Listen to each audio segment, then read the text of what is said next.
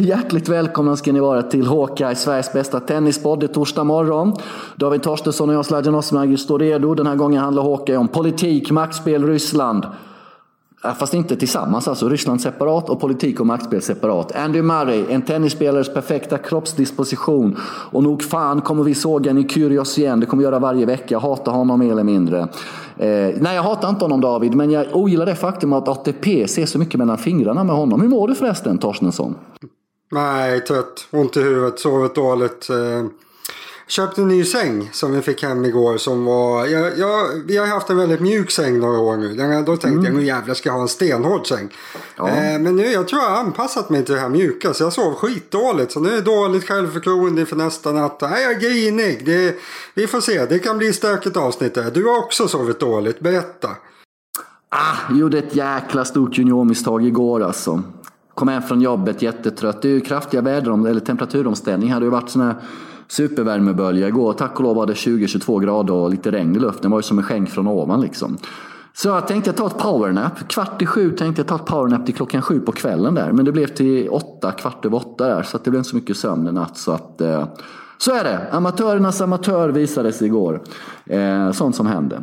Du... Eh, Ja, politik och maktspel sa vi. Vi har ju pratat egentligen ända sedan Indian Wells i stora drag David om eh, spelarrådet, Djokovic president, Kevin Andersson vicepresident och man plockade ju bort Chris Kermode. Man ville inte förlänga hans kontrakt som går ut här vid årsskiftet då, han som rattar ATP. Och, eh, i samband med Wimbledon som vi rapporterade om så hoppade flera spelare av spelarrådet. Stakowski bland annat, Robin Haase, Danny Belverdo som tränarrepresentant. Och någon till jag inte kommer ihåg riktigt nu. Och då har tre nya kommit in David, kom det besked om i, under Montrealveckan.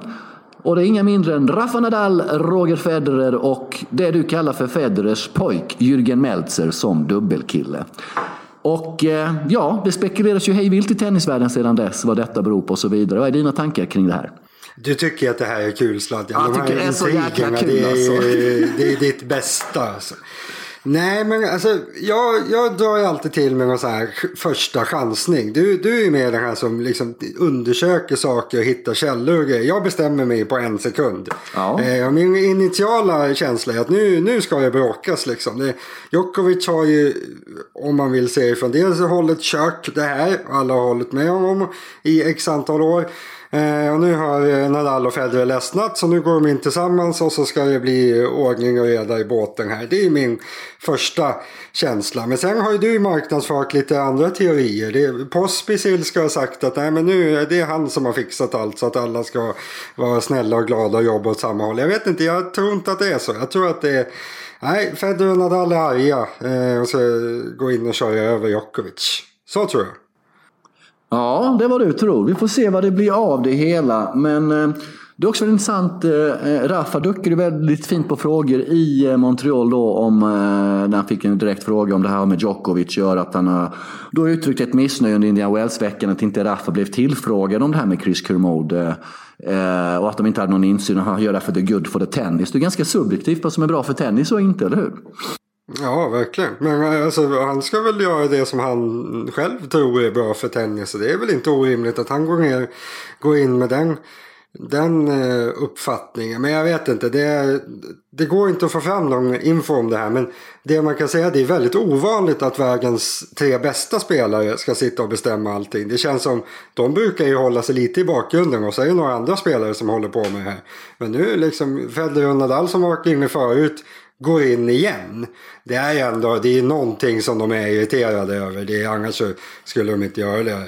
Och så in i samlad trupp också. Det är väl lite provocerande mot Djokovic kanske. Jag vet inte. Det, jag tycker att det luktar stök. Det gör det.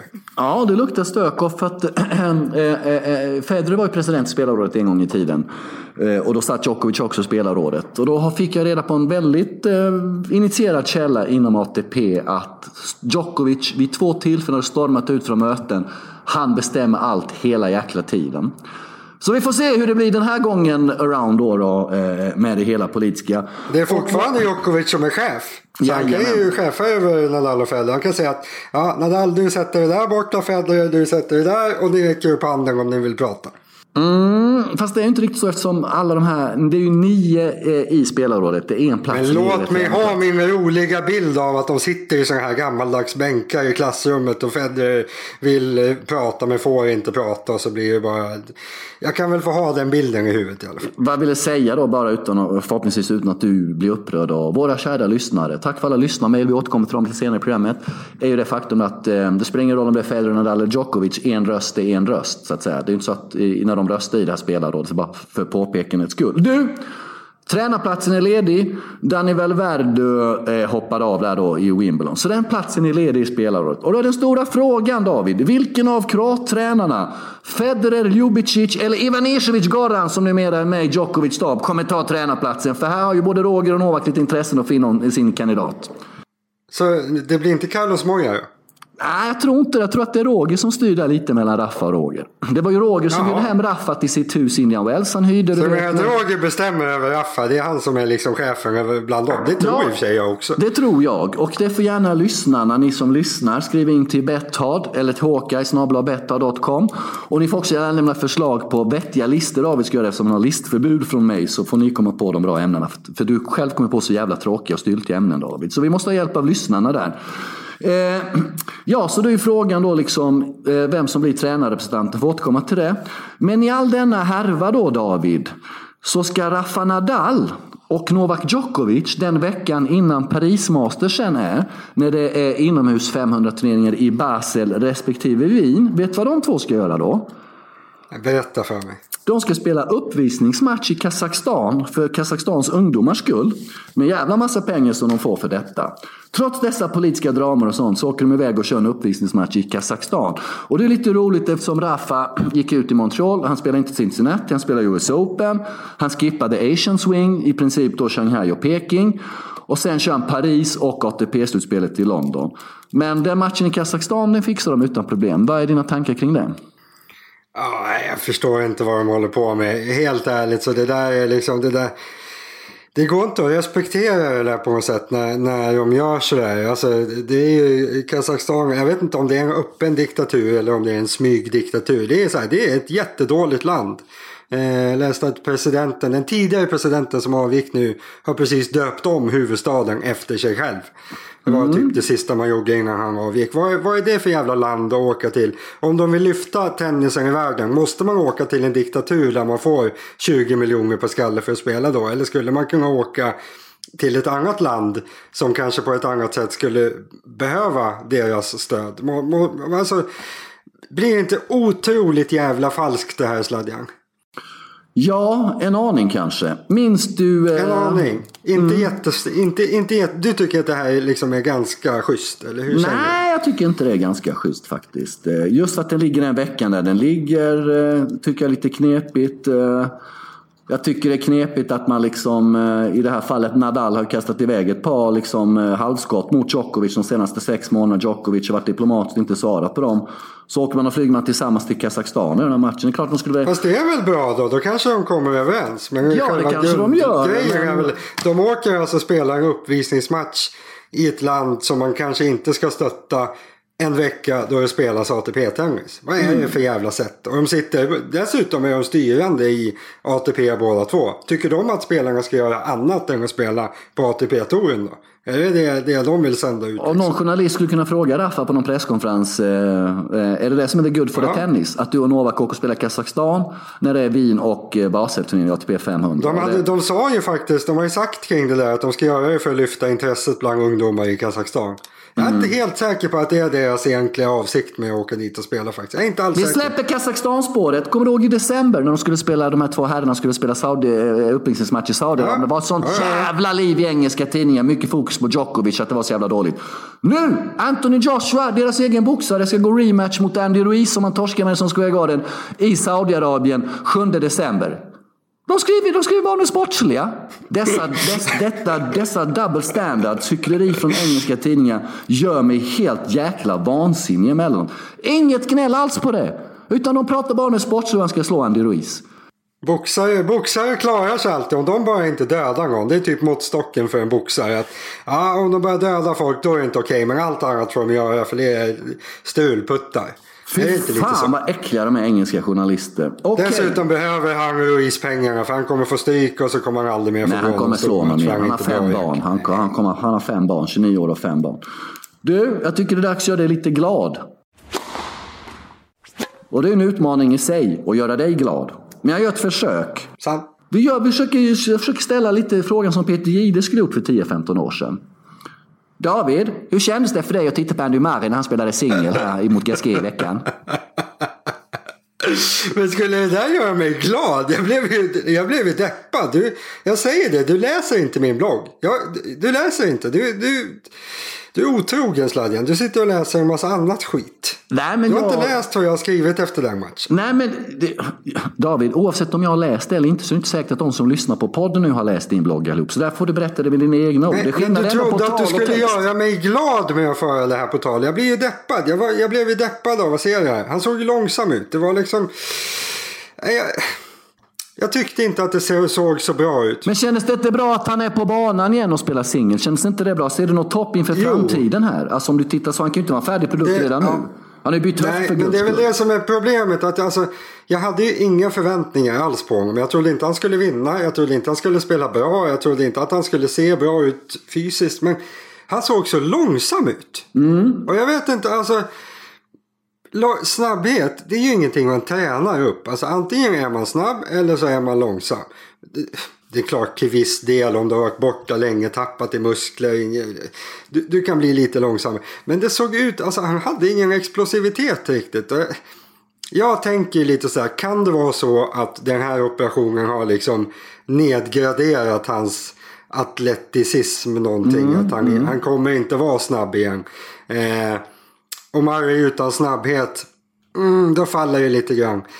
Eh, så att han förlorade mot Gasquet är inget konstigt. Han såg rostig ut, han djupandades, det var, konditionen var borta liksom. Det var, mycket, inga problem. Men just det där, han såg så jävla klumpig ut. Han var som en sengångare. Jag tycker inte att det, det känns inte positivt. Sen, det, men är inte en del av processen då? det var första matchen liksom. Vad ska man säga? Jo, kanske. Jag vet inte. Jag kanske är för deppig. Men jag tyckte inte att det såg positivt ut. Jag, det kunde ha sett bättre ut just. Hade han, hade han sett snabb, rask och pigg ut.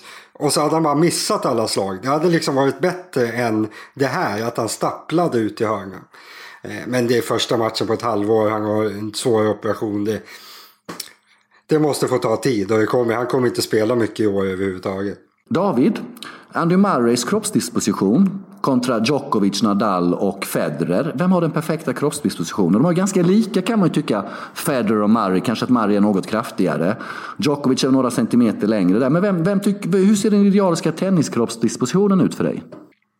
Vilken, vilken spännande fråga. Lite Mm. oförberedd för att behöva göra jämförelser. Bra Sladjan, nu, nu måste jag eh, Nu får du skärpa till hjärn- dig lite. Hjärncellerna här. Nej, men jag, jag säger Djokovic. Eh, jag tror inte att man ska vara särskilt grov om man ska spela tennis. Man ska helst vara ganska lång. För om man är lång så har man klar fördel i serven, klar fördel räckviddsmässigt när man spelar. Om man är lång utan att, ha baksidor av det, att man blir långsammare eller, eller något sånt där, då är det bra att vara lång.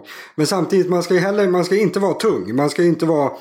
Det har väl visat sig ganska mycket senaste åren att man ska ju inte vara muskulös på överkroppen liksom. Eh, Djokovic han är ganska tunn, inte ett gram fett, han är lång. Eh, han är väl väldigt nära den perfekta eh, disposition, dispositionen. Jag, jag vill göra ett tillägg där. Han har väldigt lång hals Djokovic. Det har man ingen nytta av i tennis. Utan längden ska egentligen sitta eh, längre ner på kroppen. Om han har 3 cm längre hals än alla andra. Då är han egentligen tennismässigt 3 cm kortare än vad han är på pappret. Det där blev struligt. Men han har lång hals Djokovic. Så är det. Ja, det- vi håller kvar det i minnet och vi bara kopplar tillbaka till Andy Murray och sett, han själv sa det efter matchen mot Gasquet då att det är i Australian Open han ska pika eh, singelmässigt sett och att då ska han vara den färdiga produkten. Så vi får ge honom några månader till där då David och vi kommer ha lite extra överseende i bedömningen av Andy Murray, vår käre Andy. Vilken kung han är.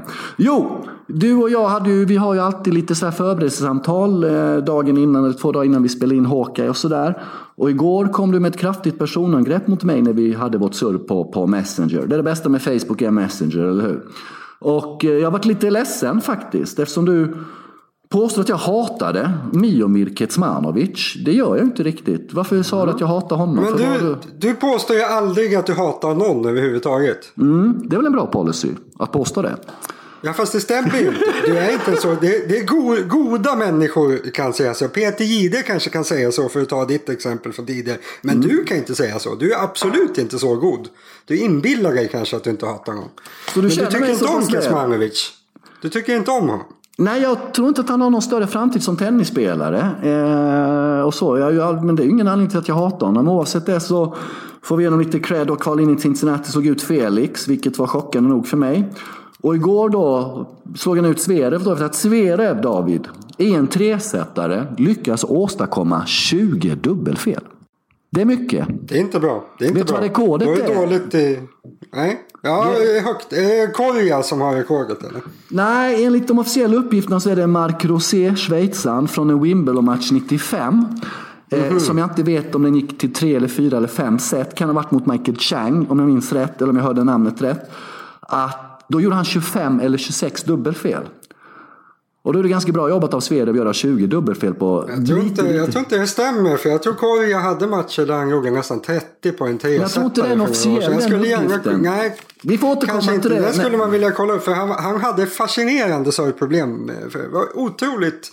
Det skulle man vilja se igen för övrigt. När han hade sina mentala problem. Där, för han kunde nästan inte få in alla Ja. Han hade jobbigt i slutet av eh, karriären. Och vi får kolla också nu fladdrade jag iväg lite här. Ja, det Gå gjorde du. tillbaka där vi, vi får var. kolla om den var en bäst av tre eller bäst av fem också. Så får ni skriva in till oss hawkeye.betad.com och så tar vi upp den tråden eh, eh, lite grann nästa vecka. Jo, att jag tog upp Kecmanovic är om, han måste vara väldigt, väldigt långt ifrån den idealiska kroppsdispositionen för en tennisspelare. Eh, han känns ganska kort. Han har väldigt, väldigt korta ben. Och stabbiga Kort och tjock eller? Är det det du försöker Nej, säga? nej, lugn och fin. Lugn och fin, jag är inte färdig än. Om du, om du tittar när han spelar och bara tittar på hans armar. Så får du inte för att armarna är ganska korta för att vara en tennisspelare. Ja, ja, ja. Och sen tittar du på hela hans kropp, då ser armarna långa ut. Han har exceptionellt korta ben. Och långa, eh, korta armar fast de ser långa ut i, i, i... Han har helt fel kroppsdisposition för att bli en bra tennisspelare. Och som du själv sa i våras när han funkade bra i Miami eller Indian Wells. Eller då, så är han för långsam ut i hörnen. Så är det någon som har dömt ut honom, Torstensson, så är det du. Ja, nej du har ju rätt. Du må, alltså, det, det bekräftas. Han är extremt långsam för att vara tennisspelare. Alltså, verkligen. Det är Mm. Högst ovanligt att en tennisspelare... Ja, och det är väl så att han har väl inte de fysiska förutsättningarna. Det är väl inte, inte svårare än så. Han kanske skulle, om det var så här uthållighetstennis kanske han skulle kunna eh, få en utväxling på sin kropp. Men han är ju jävligt bra. Alltså, jag tycker när, när man Så såg bra honom möta... Jo men det är han. Alltså spelmässigt. När det gäller att stå och slå på bollen. Sen kommer det ju alltid vara problem när han får press på sig. Han mötte väl Bautista idag tror jag. Ja. Det är torsdag i åttondelsfinaler. Alltså det kommer han ju inte klara. För när, när det går för fort ut i hörnen då, då, då går det inte. Men som mot Sverige igår. När Sverige backar tillbaka och ställer sig två meter bakom baslinjen. Alltså när det gäller att stå och banka på bollen utan att få någon tidsnöd. Då är Mm. faktiskt Kecmanovic riktigt, riktigt bra. Men fysiken, nej. Nej, inte det var snarare så att Sverige förlorade matchen och Kecmanovic vann den. Men vi struntade och Sverige förlorar väl nästan allt nu för tiden. Han är ju värdelös. Ja, det var det jag ville komma till. Till och med du skulle slå honom i, i, i din uppe, Ja, ja. Som vi kommer att återkomma till. Det är en lyssnarfråga på det. Du, snabbt. Rebecka Pettersson kval in, slog ut Konta. Igår slog hon ut Ja. eh, Kadertova. Möter då Hur Pliskova. bra är hon egentligen? Hur bra är hon? Ja, det är däremot väldigt, väldigt kul. eh, eh, Och Pliskova är inte omöjligt att slå faktiskt. Hon är ju ganska upp och ner också. Har hon en dålig dag, Rebecka en bra dag så skulle inte alls förvåna mig om hon slår eh, Pliskova. Eh, Så det, det är ganska häftigt. Rysstema utlovar vi. Vi har ju då Medvedev och Kachanov på topp 10 sedan en tid tillbaka. Kachanov slog Kyrgios i natt. Man spårar ut igen Kyrgios och börjar ta upp Rafa Nadal under matchen. Han bråkar med domaren liksom. Varför är det så när Rafa spelar? Varför är det ganska bärst och dåligt och, och totalt irrelevant att ta upp andra spelare när du själv står där på banan. Stäng av honom i sex månader, det är det enda jag har att säga till ATP. Och det hela liksom det här hur man behandlar Kyrgios, hur man ser mellan fingrarna med honom bevisar hur flat hela ATPs struktur är. Det är löjeväckande att en spelare kan bete sig som en jävla huligan på banan och få återkomma gång på gång på gång på gång. Alltså han börjar bli en säkerhets... Menar, Du vill prata med en kille som liksom försöker träffa motståndarna var fjärde boll emellanåt. Alltså medvetet missar returer för att försöka träffa motståndaren. Vad fan är det frågan om alltså?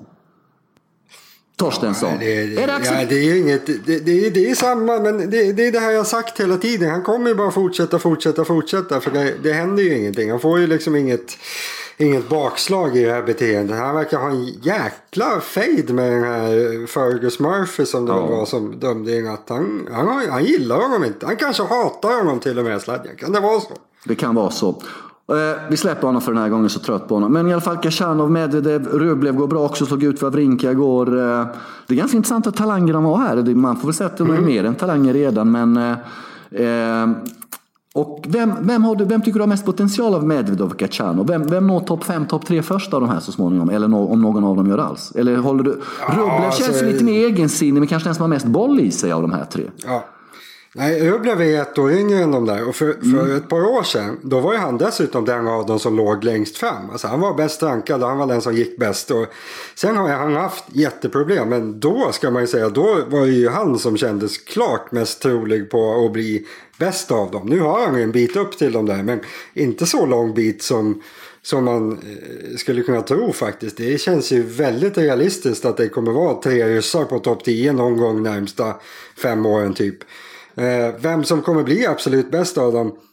Svårt att säga skulle jag säga. Alltså Medvedev har ju gått så vansinnigt bra nu senaste veckan och han känns ju som han kommer nog vara den här som nästan aldrig torskar mot en sämre spelare. För han har så många grejer i sitt spel som gör att han, han kan vinna matcher på. Han, han, han kan vinna lite hur som helst. Det är väldigt bra när man möter sämre spelare.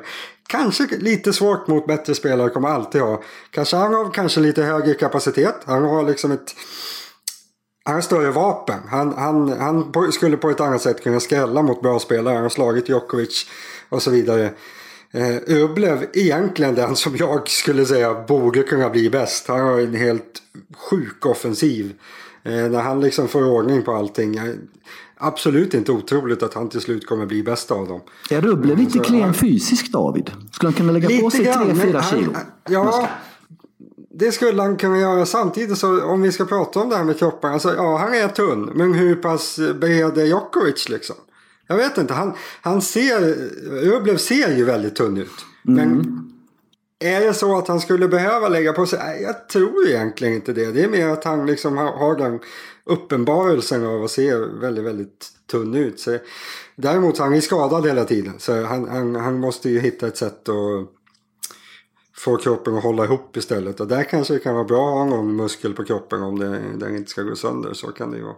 Exakt. Men Medvedev är den du bedömer har störst kapacitet. dem. Det gjorde, gjorde, gjorde faktiskt Djokovic också. Pekar ut Medvedev och 10 i en intervju som två Mest potentiella. kapacitet vet jag fan, men jag tror ju att Medvedev är den av dem som först kommer få den bästa rankingen. Alltså han, han känns ju ganska, det känns ganska troligt att han kommer ligga fyra om ett halvår eller ett, år. Liksom. Han, han, han är den som är mest stabil av spelarna bakom just nu i alla fall. Jag tror inte det kommer ändras. Så, ja, han, kommer nog åka upp först av dem på rankingen i alla fall. Sen var det slutar, det vet jag fan. Där tror jag Rublev har bra chans att bli bäst av dem till slut. Mm. När ska du åka till Kazakstan och inspirera ungdomarna där då? Är det någon som vill det tror du? Vi kan, göra det för, vi kan göra det för betydligt mindre. Vi kan göra det ungefär för 1% av summan som Raffa och Novak får. Det är vi kan köra en, en, en livepodd. Du kan prata lite... Nej, du kan ju inte ryska kanske. Nej, jag kan inte ryska. Det, kan, det, är, helt- det är helt korrekt, det kan jag inte. Men eh, kazakstanska ungdomar kanske kan förstå engelska. Tror du det? Som kan Kanske. prata engelska. Eh, och Vilken en, dålig idé. Varför skulle vi åka dit? Ja, det kan vara kul att uppleva det som en gång i tiden hette Astana, som heter något annat nu. Vad hette nu igen efter presidenten? Vad hette stan? Nur Sultan. Ja, exakt. Ja, det är ju helt skevt. Vilken jävla nu får galenskap. du skärpa till dig Torstensson. Nu kommer vi till eh, favoritsegmentet i Hawkeye, Sveriges bästa tennispodd. Och nu ännu bättre som vi fått så härliga vassa lyssnarfrågor. Det får vi sig alltid. Vi har från Adam Berg. Adam har skickat ett koppel av frågor. Så nu får vi fokusera och svara så gott vi kan. Så här skriver Adam. Eh, tack Sladjan och Torstensson för en grym podd. Håller med han som skrev ett läsarmail till er i förra avsnittet. Detta är min favoritpodd av de cirka 90 han prenumererar på. Oj! Hur många prenumererar du på David? Poddar? Eh, två. Mhm. Vill du veta vilka? Ja, gärna. Eh, jag lyssnar på den här Spår av han Anton Berg som är ett geni. Okej, vem är Och det? så lyssnar jag på, äh, det är sån här, de tar tag i, eh, i eh, kriminalfall där de, eh, det var de som eh, grävde fram det här om Kaj Linna, han som blev Ah, frikänd efter coolt, coolt, massor av coolt, coolt, coolt, coolt. Jätteduktig är han. Mm. Eh, och så lyssnar jag på eh, Rättegångspodden. Det är de här två poddarna som alla i Sverige lyssnar på. Okej, Det är alla i Sverige. Okej, okej. Brottslighet. Jag förstår, jag Det förstår. är roligt. Och så lyssnade jag på din fotbollspodd i förra veckan. Jaha, mäktigt, mäktigt. Uppsnack. Jajamän. Okej, då tar vi då frågorna här då. Fråga ett från Adam Berg. Om ni fick välja en turnering vars förhållande kommer kopieras till alla andra turneringar på touren, vilken väljer ni då? Det vill säga, ni är tvungna att för resten av livet titta på tennis med samma förhållanden i varje turnering. Ni kan till exempel välja det snabba gruset i Madrid, det långsamma gräset i Wimbledon eller långsamma hardcourten i Indian Wells. Vilka turneringsförhållanden förhållanden väljer ni? Jävligt klurig fråga och intressant. Indian Wells. Du gör det? Utan, eh, även om jag inte fick de alternativen som han eh, tog upp så hade jag tagit Indian Wells. Långsam hardcourt. Eh, bästa underlaget att spela tennis på om det ska vara bra spel. Mm. Jag säger Wimbledon. Själv då? Ja, Wimbledon. Wimbledon. För den Ja, typen du skulle av... bli ganska trött i längden kan jag säga. Om du Det är mycket möjligt, men det är När du sitter år fyra och bara har sett grästennis. Då skulle du, jag kanske inte ta livet av dig, men du skulle sluta titta på tennis tror jag. Nej, jag skulle åka upp till Uppsala och strypa dig. Mm. Nej, det skulle jag inte göra. Men det krävs ju lite intelligens från spelet. Ta- Gräset tar fram det bästa ur spelarna. Det är väl lite mer det jag, jag tittar på. Men eh, ja, det är ju väldigt subjektivt det där. Sen är det ju säkerligen kanske kopplat också till att man känner ju ständigt att man vill ha mer grästennis. I och med att den grässäsongen är ganska kort. Och vårt radikala förslag då är att- att lägga fram Roland Garros ännu en vecka tidigare. Så det blir fyra veckor mellan Wimbledon och Roland Garros. Så man får in en ATP Masters 1000 där. eh, Eh, så det var väldigt tjusigt att ha första veckan efter Franska öppna de här 250 turneringarna, den i Holland och Tyskland. Och sen har du då Queens och Halle vecka två. Vecka tre har du något B1000 Masters. Vecka fyra har du någon liten 250 turnering och sen kör du Wimbledon igång. Det har varit alldeles lagom lång grässäsong det där. Fråga två från Adam är. Torstensson listade sina favoritspelare på touren i förra avsnittet.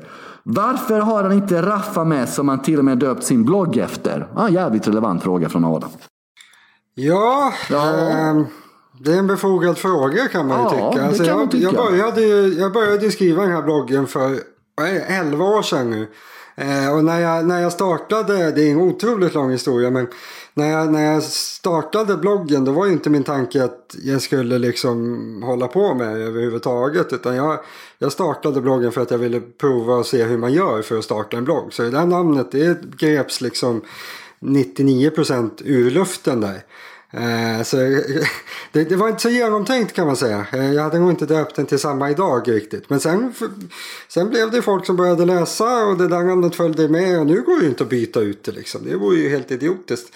Eh, sen jag gillar ju Nadal. Jag, jag älskar ju att se Nadal spela. Men han kom inte med bland mina tre favoritspelare. Det var tre som klämde sig in före helt enkelt. Mm. Vem älskar Raffa mer, du eller jag? Vad är ditt intryck?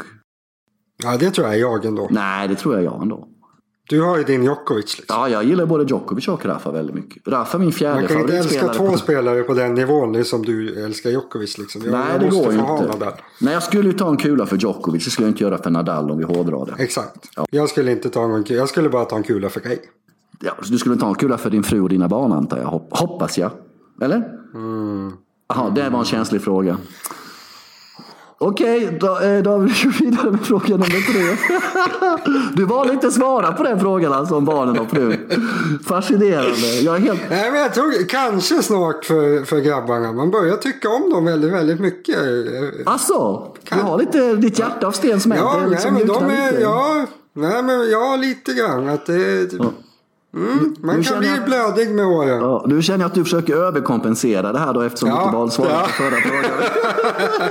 Men låt oss gå in på Adams frågor här istället. De kanske är lite behagade för dig att svara på än de här lite mer känsligare av privat karaktär. Vet ni vad som händer på alla storturneringars banor världen över det 51 eller 50 veckor för Grand Slams när det inte spelas ATP-tennis? Vem spelar på Arthur Ashe US Open inte spelas eller Philippe Chatrier? Kan tänka sig vem som helst boka en tid för att spela på dessa banor. Ja, det är väl lite olika. Wimbledon är jävligt knepiga, eller hur? Ja, Med tillgängligheten. där kommer man inte in hur som helst. Eh, eh, Roland Garros har jag faktiskt ingen koll på utifrån det perspektivet. Sen har väl USAs tennisförbund har väl sitt huvudkontor där ute på Flashing Meadows. Jag antar att aktiviteter där. Australien, Melbourne Park har noll koll på. Du, kan vi bidra någonting med till Adam här? Här avslöjas Ja. våra brister på ett brutalt sätt. Det, undrar om det inte var någon sån här dataspelstävling på området eh, där de kör där Flashing Meadows. Eh, nyligen. Det är, det är lite små evenemang men alltså överlag så tror jag de ligger väldigt öde. I alla fall Centercoachen. Sen eh, som du säger de inhemska förbunden har ju verksamhet. Eh, franska förbundet på franska öppnområdet, Australien, Australien Open och, så, och sådär. Eh, Wimbledon, de banorna är de nog väldigt, väldigt försiktiga med. Att där kommer man nog inte ut och lirar bara sådär. Eh, Ja, det, det är ju inga andra stora tennisevenemang och det är ju väldigt få andra typer av evenemang-. Det skulle ju liksom gå att bygga en basketplan på Centercourten i US Open men man gör inte det för det finns liksom bättre arenor. Så i allmänhet tennisarenorna är väldigt lite använda eh, när det inte är turneringar. Jag fu- jag funderar faktiskt också ofta på det där men mer när det gäller mindre ATP-turneringar. Eh, vad fan man gör med arenorna och svaret är nog i största allmänhet att man gör väldigt lite av dem. De ligger här och väntar på årets turnering liksom. Och sen är det mest smågrejer under tiden. Mm. Fråga nummer fyra från Adam. Eh, Varför, och det handlar om Andy då.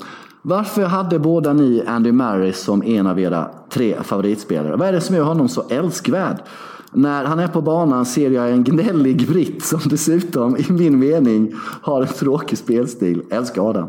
Är det senaste årens skadeproblem som gjort att ni känner mer sympati för honom? Han till exempel sa likadant om ni gjort listan för tre år sedan när han var på toppen av sin karriär. Ja, intressanta frågeställningar. Jag känner så här att eh, jag har nog tagit med honom som en av mina tre favoritspelare även för tre år sedan. Och som vi varit inne på här tidigare i podden, eh, det var ganska tidigt man fick ett ganska härligt intryck av Werner. För han stack ut då med sin självkritik och sina eh, själv, monologer med sig själv på banan. Och eh, Ja, sen har han ju ganska mycket åsikter vid sidan av. Det är inte allt man håller med om dem, men jag tycker han är en engagerad och härlig person. Känns väldigt sympatisk tycker jag också. Och, rolig framförallt, en humor som kanske inte är sådär tydlig och uppenbar, men om man tittar lite mellan raderna så är den ju fantastiskt, fantastiskt rolig. Sen det här med spelstil. Eh, visst, den kanske är lite defensiv, men jag har liksom inga problem med det. Liksom. Det är ju så, man kan ju älska fotbollslag som spelar offensivt, man kan älska fotbollslag som spelar defensivt och vinner. Så det, för mig spelar inte det någon större roll. Berättar du om, dina, om din relation här? Ja, där kan man ju återknyta till namnet på bloggen egentligen. För alltså går man tillbaka genom åren, den spelaren jag tyckt bäst om, alltså över tid, så är det ju utan tvekan Murray. Alltså, eh, det började i mångt och mycket med spelstilen. Att jag under den tiden så tyckte jag att det är den här spelstilen som är mest effektiv. Jag var, eh, jag var inte besatt men jag var väldigt, väldigt intresserad av att förklara för det här att folk, för folk att det är väldigt, väldigt svårt för Federer att slå någon som spelar på det sättet för att så dålig inom stora situationstecken som Federer var då, så osäker. Eh, han hade väldigt, väldigt svårt att ta sig an de här supersäkra spelarna.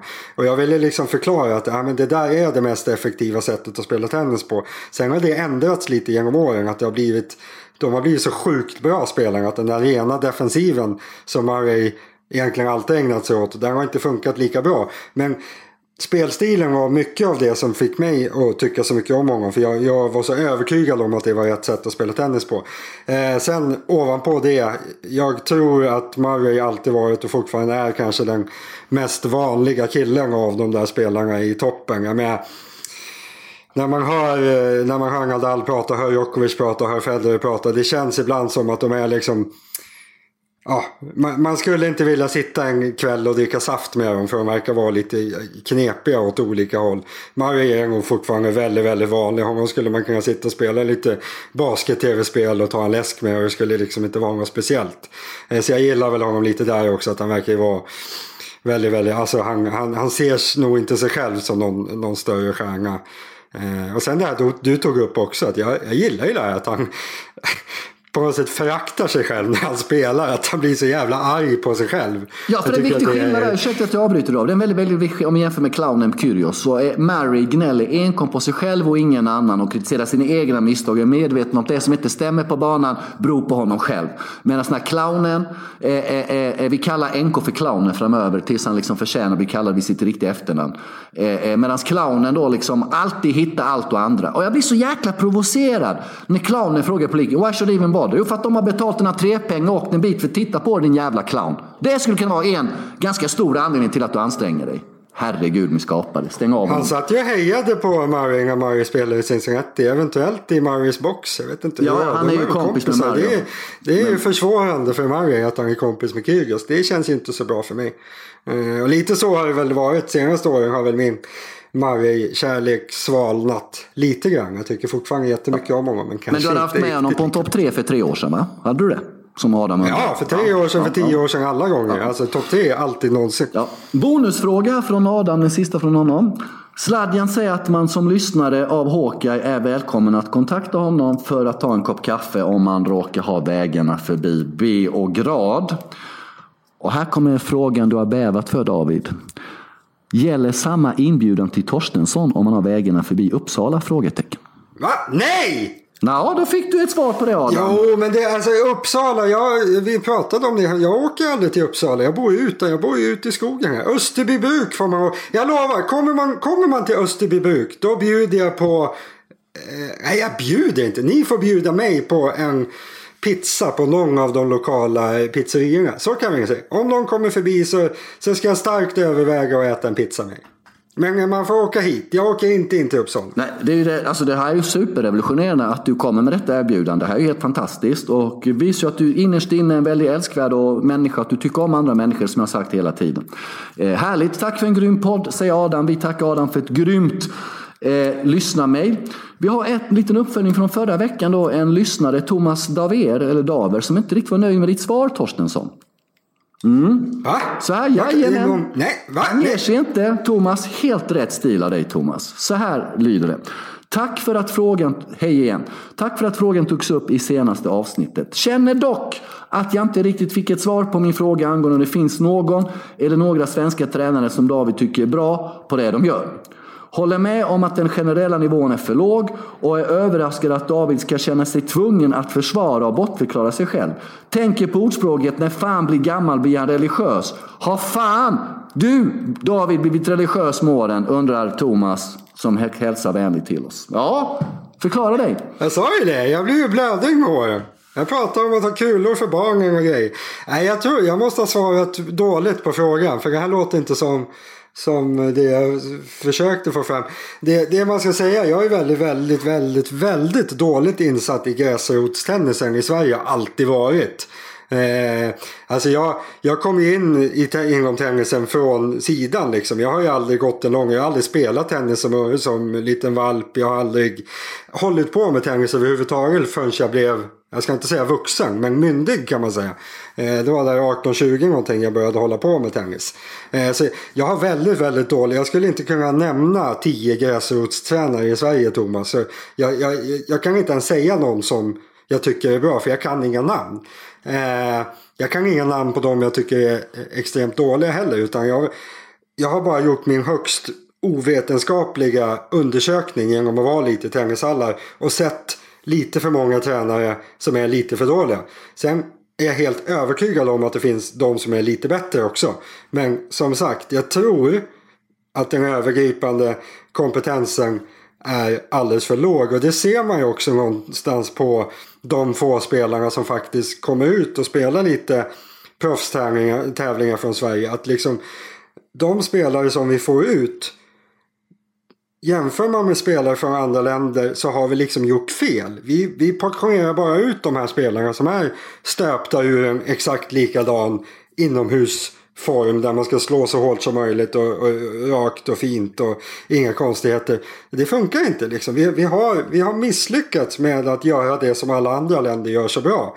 Att liksom få fram olika spelstilar, att låta folk göra det som de tycker är naturligt. Vi har, vi har liksom misslyckats totalt. Eh, fladdrade iväg lite här. Men svaret på frågan är jag kan inte nämna några namn för, för jag är för dåligt insatt i gräsroten. Mm. Och eh, apropå din egen tenniskarriär så undrar Jonas Dahl. Hej grabbar, hur gick det för dig David i Öregrundsmästerskapen? Kommer du ställa upp i dubbelturneringen även kommande år?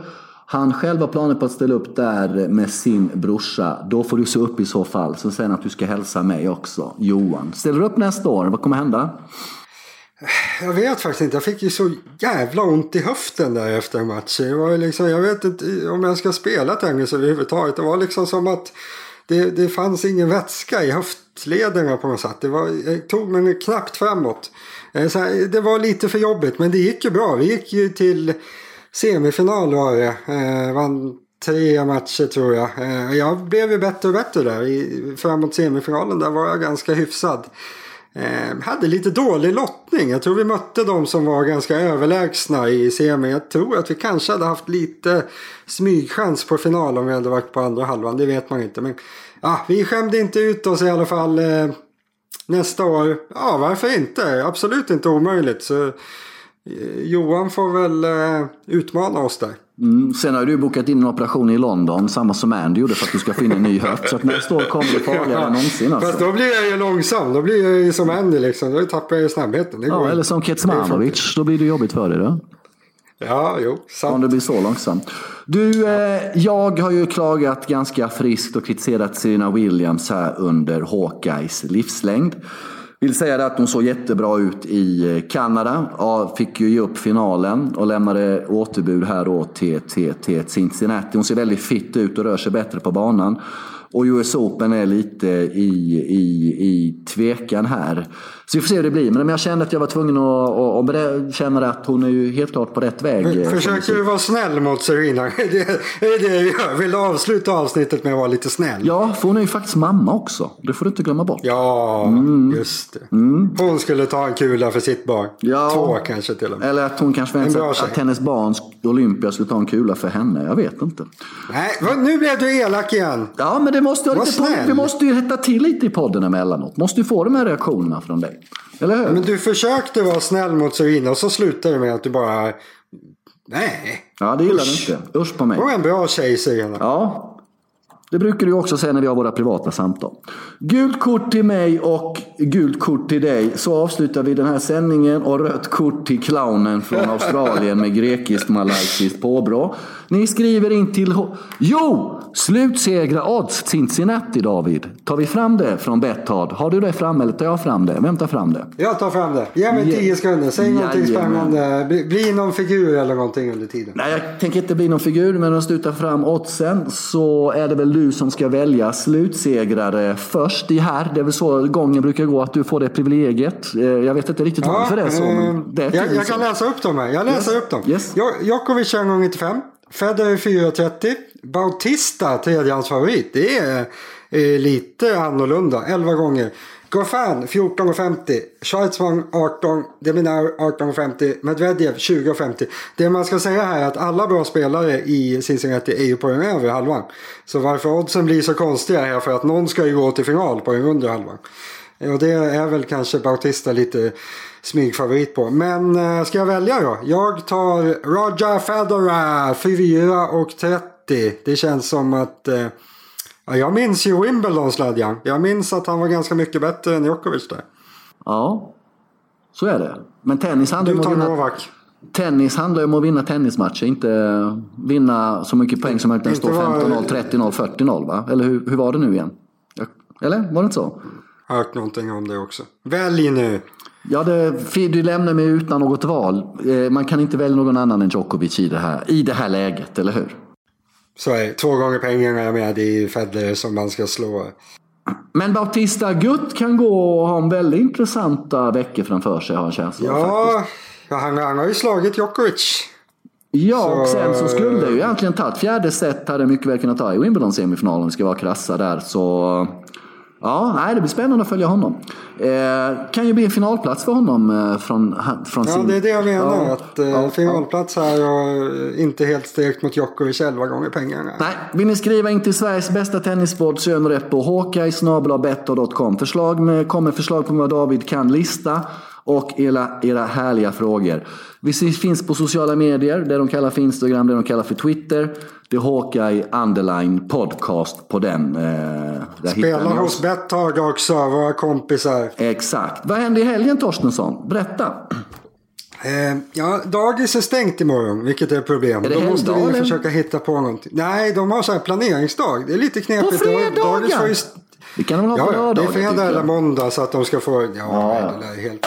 Men det, det, har ju varit stängt i två månader på sommaren. Och sen börjar de med en planeringsdag. Jag tycker att man kunde ha styrt upp det där lite bättre. Ja, det håller jag med om. Ehm, så vi får hitta på någon utflykt. Jag vet inte, vi kanske åker till Kolmården igen. Jag har ju årskort där nu Sladjan. Så nu kan Aha. vi bara åka fram och tillbaka till Kolmården och titta på tapirer hela tiden. Ja. Eh, så jag vet inte, någonting ska vi göra. Och så är det fotboll och grejer också. Så det blir nog en bra helg. Och du ska göra vad? Nej, det blir väl lite City Tottenham på lördagskvällen till 18.30. Så kommer väl det liksom glida över ganska elegant in i semifinalerna från Cincinnati. Rent eh, tv-tablåmässigt. Eh, och sen blir det väl lite beroende på väder. Vi har ju haft en enorm värmebölja här i Belgrad. Men igår var det 21-22 grader så det var ju väldigt, väldigt välkommet. Och idag är det väl kanske 26-27 vilket då i det här sammanhanget känns valt. Det är helt sjukt. Hemma i Sverige, där det är 26-27, har man shorts på sig. Här kör man jeans liksom. Klimathotet. Det är bra att Greta fixar Hangelslädjan så att det blir mm. svalare. Hon kommer fixa jättemycket tror jag i slutändan. Och eh, ja, så det beror lite på vädret. Är det värmebölja så blir det mest att man håller sig hemma. För att det är nästan liksom på gränsen till hälsos, eh, hälsofarligt att, gå ut eh, emellanåt. Så det är väl det som händer. Så kommer mamma ner om någon vecka, stannar länge så ska vi ja, planera lite för dem. För de 14-15 dagarna ska få lite innehåll och sådär. Så vi kommer göra en liten avstickare till Bosnien, jag och mamma, där flyga dit och hälsa på lite folk Jaha, som har försummat. Det var ju en succé förra gången. Ja, första resan på 21 år till Bosnien så återvände jag sju veckor efter det. Så det säger Snyggt. väl någonting också om att det där har varit någonting jag har saknat och en del av mitt liv som behöver liksom bli en del av mitt liv igen. Nog om detta. Ni har lyssnat på Håka, Sveriges bästa podcast med David Torstensson och Sladjan Osmanagic och vi är tillbaka om en vecka ungefär och då är vi starkare än någonsin va? Jajamän, jajamän. Underbart. Tack för att ni har lyssnat. Ha en underbar helg allihop. Hej hej! Hej!